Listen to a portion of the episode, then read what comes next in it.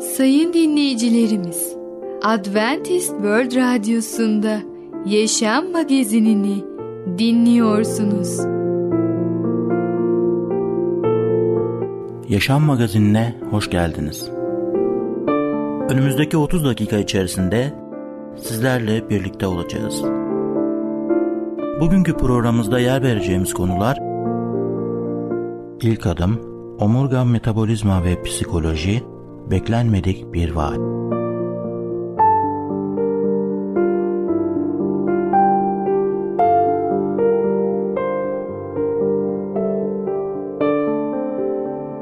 Adventist World Radyosu'nu dinliyorsunuz.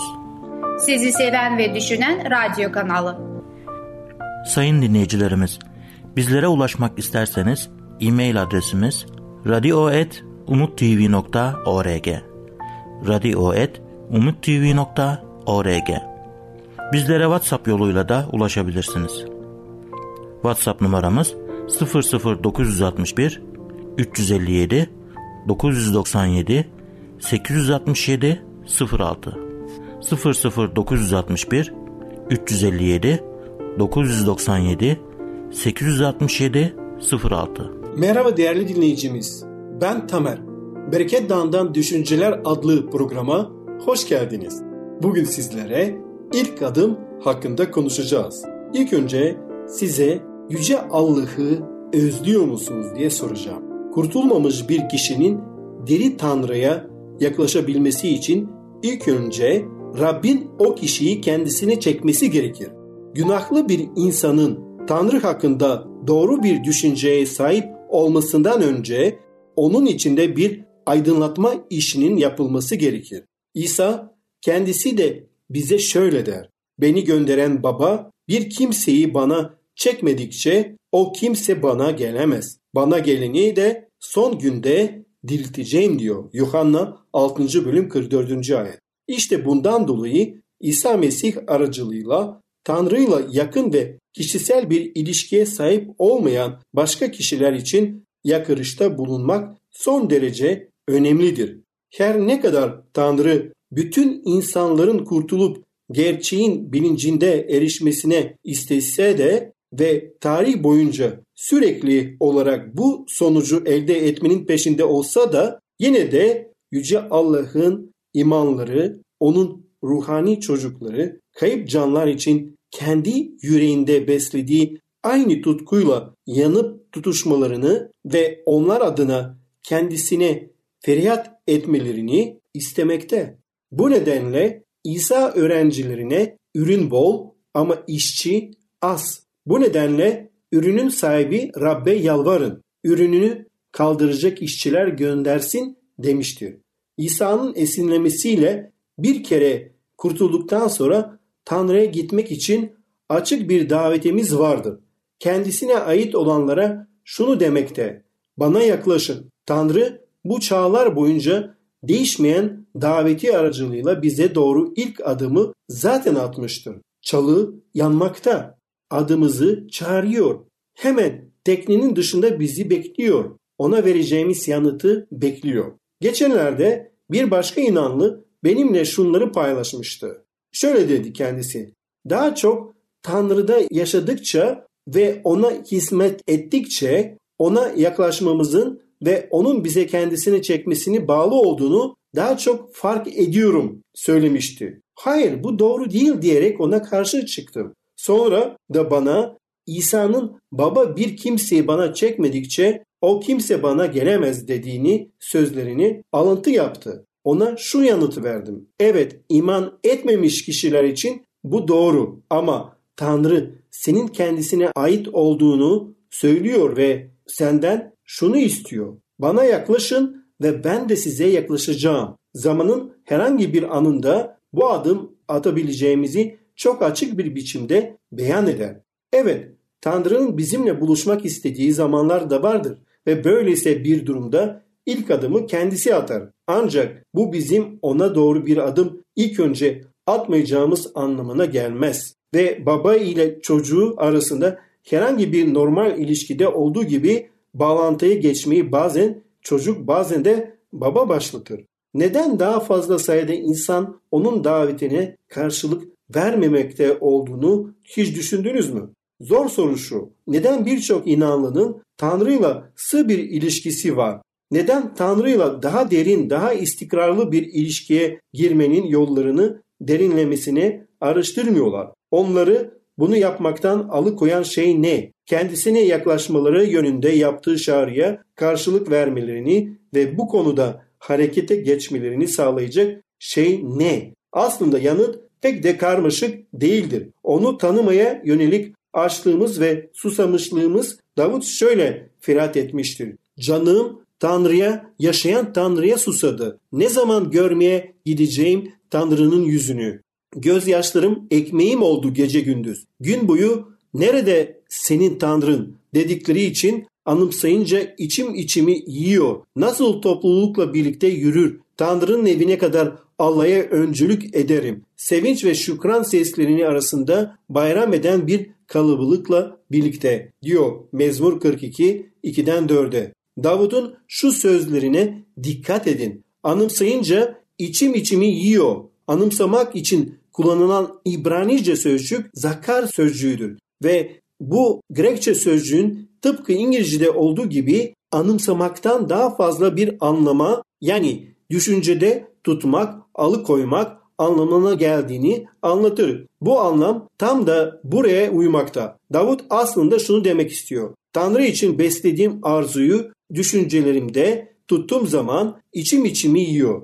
Bu Tanrı'ya karşı tatmin olmaz bir açlık yaratır. İşte bu açlık karşımıza ister ruhsal, ister zihinsel, isterse fiziksel engeller çıksın. Tanrı'ya yaklaşmamız için bizi çağırır ve dürter. Bu nedenle Tanrı'ya olan açlığımızı korumamız hatta artırmamız çok önemlidir. Aslında Yüce Allah bizi yarattı ve bir ilişki için, bir paydaşlık için yarattı. Yüce Allah'la olan ilişki için bizi yarattı. Ve ayrıca de insanlar kendi aralarında da yatay düzeyinde de bir ilişki için, bir paydaşlık için yaratılmışız. Ve insanlar böylece hem Yüce Allah'la olan ilişkilerinde hem insanlarla olan ilişkilerinde kendilerini geliştirebilirler. Ve bizi yalnız bırakmıyor Yüce Rab. O bizim rehberimiz oluyor. O bizimle birlikte omuz omuza yürümeye hazırdır. Yeter ki biz ona iman edelim. Günahlarımızdan tövbe edip ona teslim edelim. Ve onun gösterdiği kutsal yazılarda, kutsal kitaptaki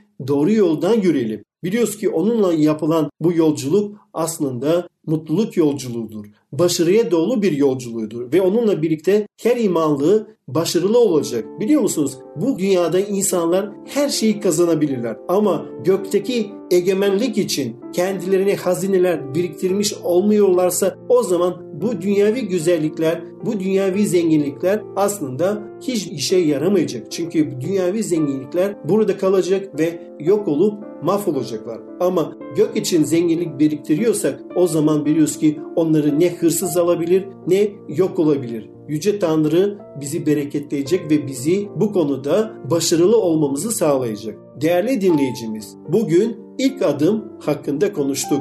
Bir sonraki programda tekrar görüşmek dileğiyle hoşçakalın.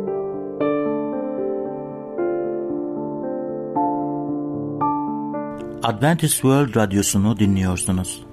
Sizi seven ve düşünen radyo kanalı. Sayın dinleyicilerimiz, bizlere ulaşmak isterseniz e-mail adresimiz radio.umutv.org radio.umutv.org Bizlere WhatsApp yoluyla da ulaşabilirsiniz. WhatsApp numaramız 00961 357 997 867 06 00961 357 997 867 06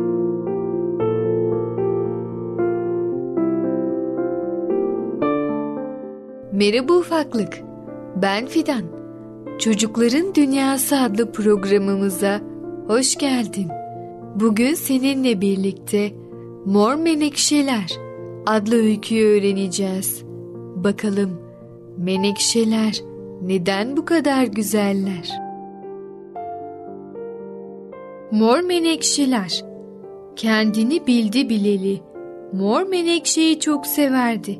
Çocukluğunun geçtiği iki katlı evin bahçesinde bahar geldiğinde mor mor açar, mis mis kokarlardı.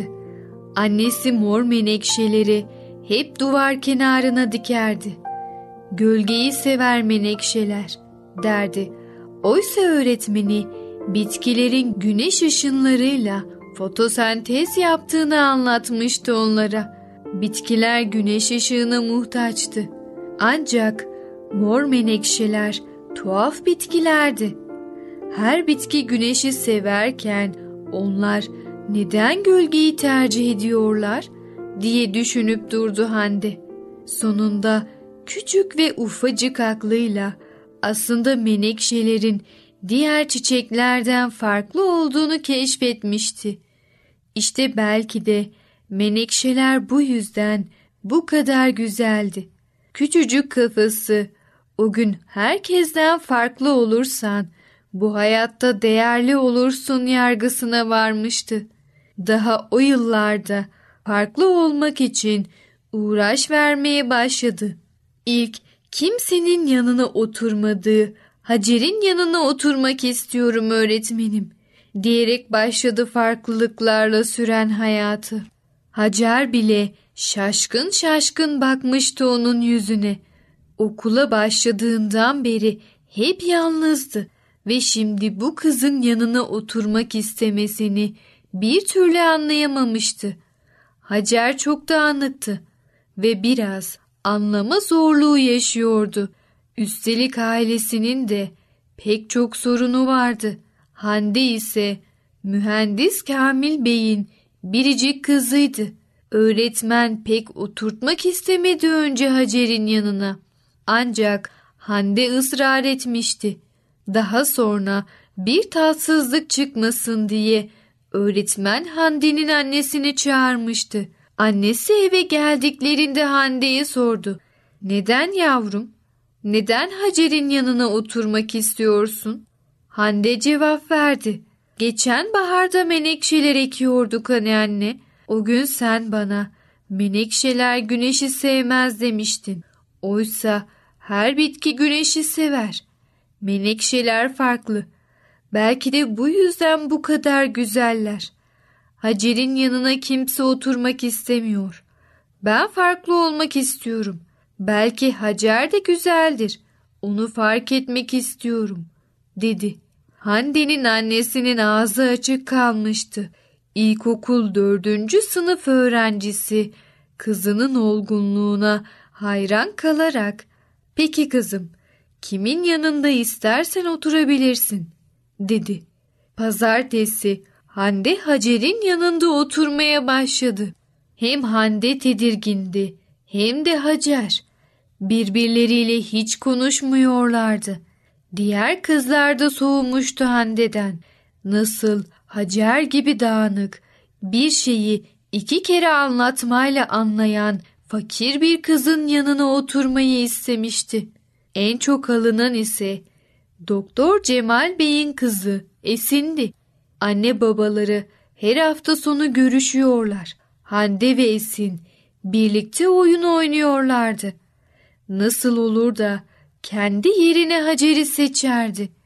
Çok gururu kırılmıştı Esin'in. Hande ile konuşmuyordu. Bir gün Hande ve ailesi Esinlerle dağ köylerinden birinde gerçekleştirilecek bir panayıra katılmak için sözleştiler. Hande yine Esin'i somurtacağını bildiği için gitmek istemiyordu. İçin içinde Hacer'e kızmaya başlamıştı. Çünkü arkadaşlarıyla arasının bozulmasına neden olmuştu. Neden sanki bu kadar dağınıktı? Neden her şeyi iki kere de anlıyordu? Yoksa aptal mıydı? Sonra menekşeleri hatırladı. Hemen düşüncelerinden utandı. Hacer, Hacer'i farklı diye yargılamamaları gerekiyordu. Hacer'in kimsenin bilmediği güzelliklerini keşfedecekti. Buna tüm gücüyle inandı. Tam umduğu gibi olmuştu. Esin somurtarak karşısında oturuyordu. Hande ile konuşmuyordu. Hande'nin canı çok sıkılmıştı ve biraz dolaşmak için annesinden izin aldı. Köy yolunda yürümeye başladılar. Hava iyice soğumuş ve ayaz iyice artmıştı. Yürüdü, yürüdü. Köye gelmişti. Bir evin önünde durdu. Evin penceresindeki saksıya gözü ilişti. Gözlerine inanamıyordu. Bunlar mor menekşelerdi. Ama kıştı ve menekşeler soğuğu hiç sevmezlerdi. Eve doğru bir adım attı. Kapıda beliren gölgeyi çok sonra fark etti. Bu Hacer'di. Hande'ye gülümsüyordu. Hoş geldin Hande, dedi Hacer ve biraz ürkek. Buyurmaz mısın? diye sordu. Şaşkınlıkla kapıya doğru ilerledi Hande ve içeri girdi. Oda sıcacıktı. Odun sobası her yeri ısıtmıştı. Menekşeler diyebildi sadece Hande. Hacer gülümsedi. Onlar annem için. Onları çok sever. Evet ufaklık, Menekşeler adlı öykümüzü dinledin. Bu öyküde Hande menekşelerin diğer çiçeklerden farklı olduğu için güzel olduğunu anladı. Sen de Hande gibi ve menekşeler gibi herkesten çok daha farklı bir çiçek ol. Bir sonraki programımızda tekrar görüşene kadar kendine çok iyi bak ve çocukça kal.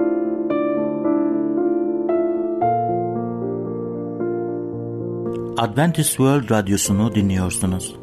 Sizi seven ve düşünen radyo kanalı. Sayın dinleyicilerimiz, bizlere ulaşmak isterseniz e-mail adresimiz radio.umutv.org radio.umutv.org Bizlere WhatsApp yoluyla da ulaşabilirsiniz.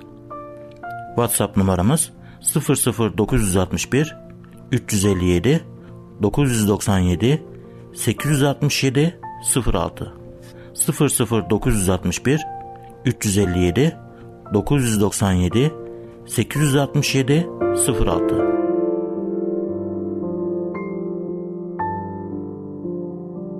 Sevgili dinleyici merhabalar. Kaderi Değiştiren adlı programıma hoş geldiniz. Ben Ketrin. Bugün sizlerle birlikte konuya devam edeceğim ve konunun ismi de belirlenmedik bir vaat. Önceki programda hatırlarsanız Subay Çakmak bir görev yerine getirmek için komutanın tarafından tavsiye edildiği bir kişiyi almak zorundaydı. Her şeye rağmen Çakmak komutana karşı gelmek istedi. Fakat sonunda onun emrini yerine getirdi. Neden böyle istediğini o anlam veremedi. Fakat çok sonra neden bunu istediğini anlamış oldu. Eğer sözünü dinlememiş olsaydı hayatını kaybetmiş olacaktı. Peki kutsal kitapta bir bakalım Avram'ın başına ne geldi? Avram da dersi almıştı. Bir zaman geleceğin nasıl şekillendiğini bildiğini sanmıştı. Ancak Allah'ın başka bir planı vardı. O zaman Allah'ın kararı Avram'a bir anlam ifade etmişti. Fakat bunu imanla kabul etti ve tüm gizem ancak yıllar sonra çözüldü. Allah Avram'ın bilmediği bir şey biliyordu. Şimdi yaratılış 17. bölümüne bakacağız. Birden 6 itibarinden başlayarak kutsal yazılardan okuyacağım. Avram 99 yaşındayken Rab ona görünerek ben her şeye gücü yeten Tanrıyım dedi. Benim yolumda yürü, kusursuz ol. Seninle yaptığım anlaşmayı sürdürecek, soyunu alabildiğine çoğaltacağım. Avram yüzüstü yere tapındı. Tanrı, seninle yaptığım anlaşma şudur dedi. Birçok ulusun babası olacaksın. Artık adın Avram değil, İbrahim olacak. Çünkü seni birçok ulusun babası yapacağım. Seni çok verimli kılacağım. Soyundan uluslar doğacak, krallar çıkacak. Bunlar Allah'ın imanının babası Avram'a yaklaşık 4000 yıl önce söylediği gerçek sözler. Bu Allah'ın onunla yaptığı anlaşmaydı ve Tevrat'ta yaratılış kitapçığında 17. bölümde yazılıdır. Ayrıca Allah'ın bildirisinde tekrarlanan bir konu var. Allah Avram'a sürekli olarak büyük bir isim olacağını ve soyu aracılığıyla hatırlayacağını hatırlatıyor. Çocukları olmayan bir adamın yıllar boyunca Yüce Baba olarak adlandırmasını ne kadar utandırıcı olduğunu tahmin edebilirsiniz.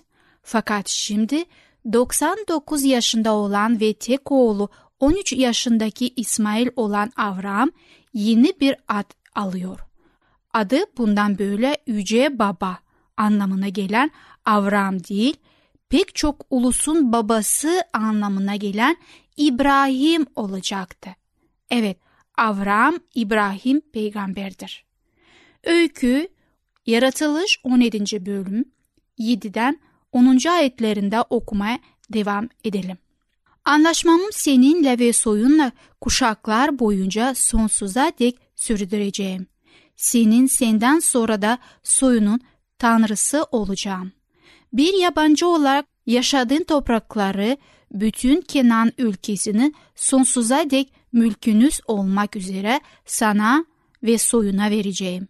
Onların tanrısı olacağım.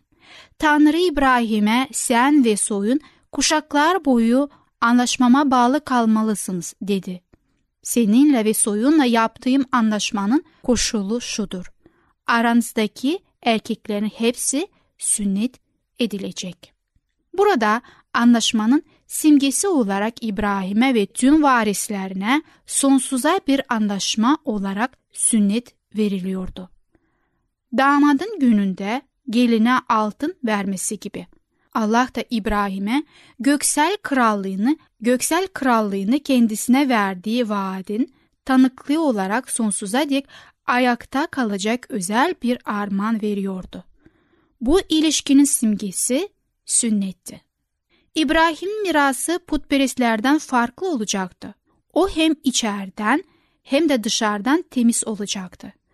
Daha sonra Allah onun samimiyetiyle izlemek isteyenlere kalplerinin sünnet edilmesi gerektiği söyleyecekti. Anlaşma kanla onaylandı. Allah sözünü verdi, insanların kanı aktı.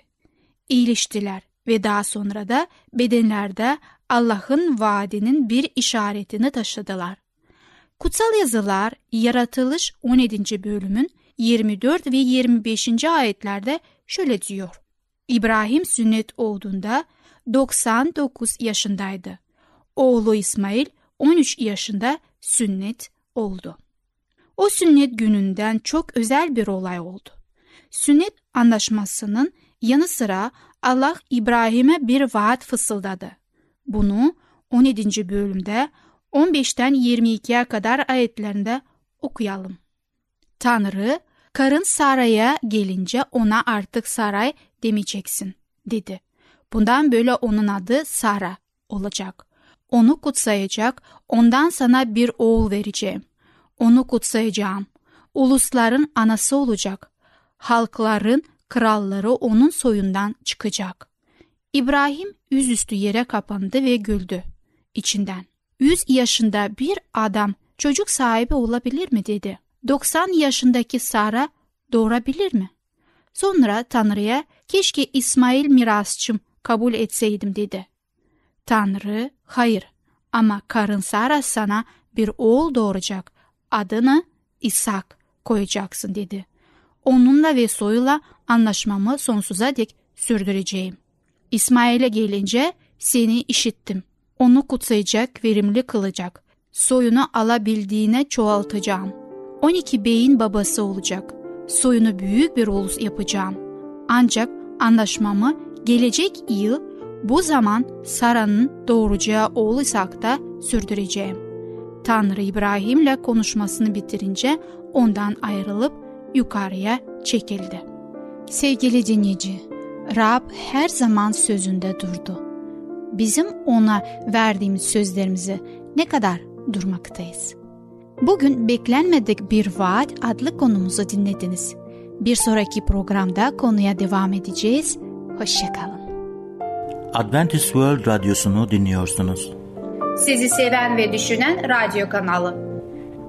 Sayın dinleyicilerimiz, bizlere ulaşmak isterseniz e-mail adresimiz radio.umutv.org radio.umutv.org Bizlere WhatsApp yoluyla da ulaşabilirsiniz.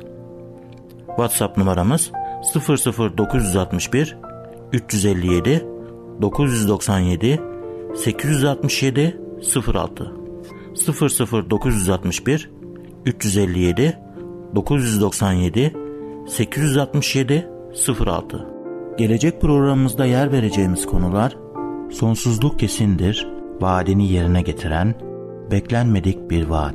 Yaşam Magazini adlı programımızı pazartesi, çarşamba ve cuma günleri aynı saatte dinleyebilirsiniz. Bir programımızın daha sonuna geldik. Bir dahaki programda görüşmek üzere, hoşçakalın.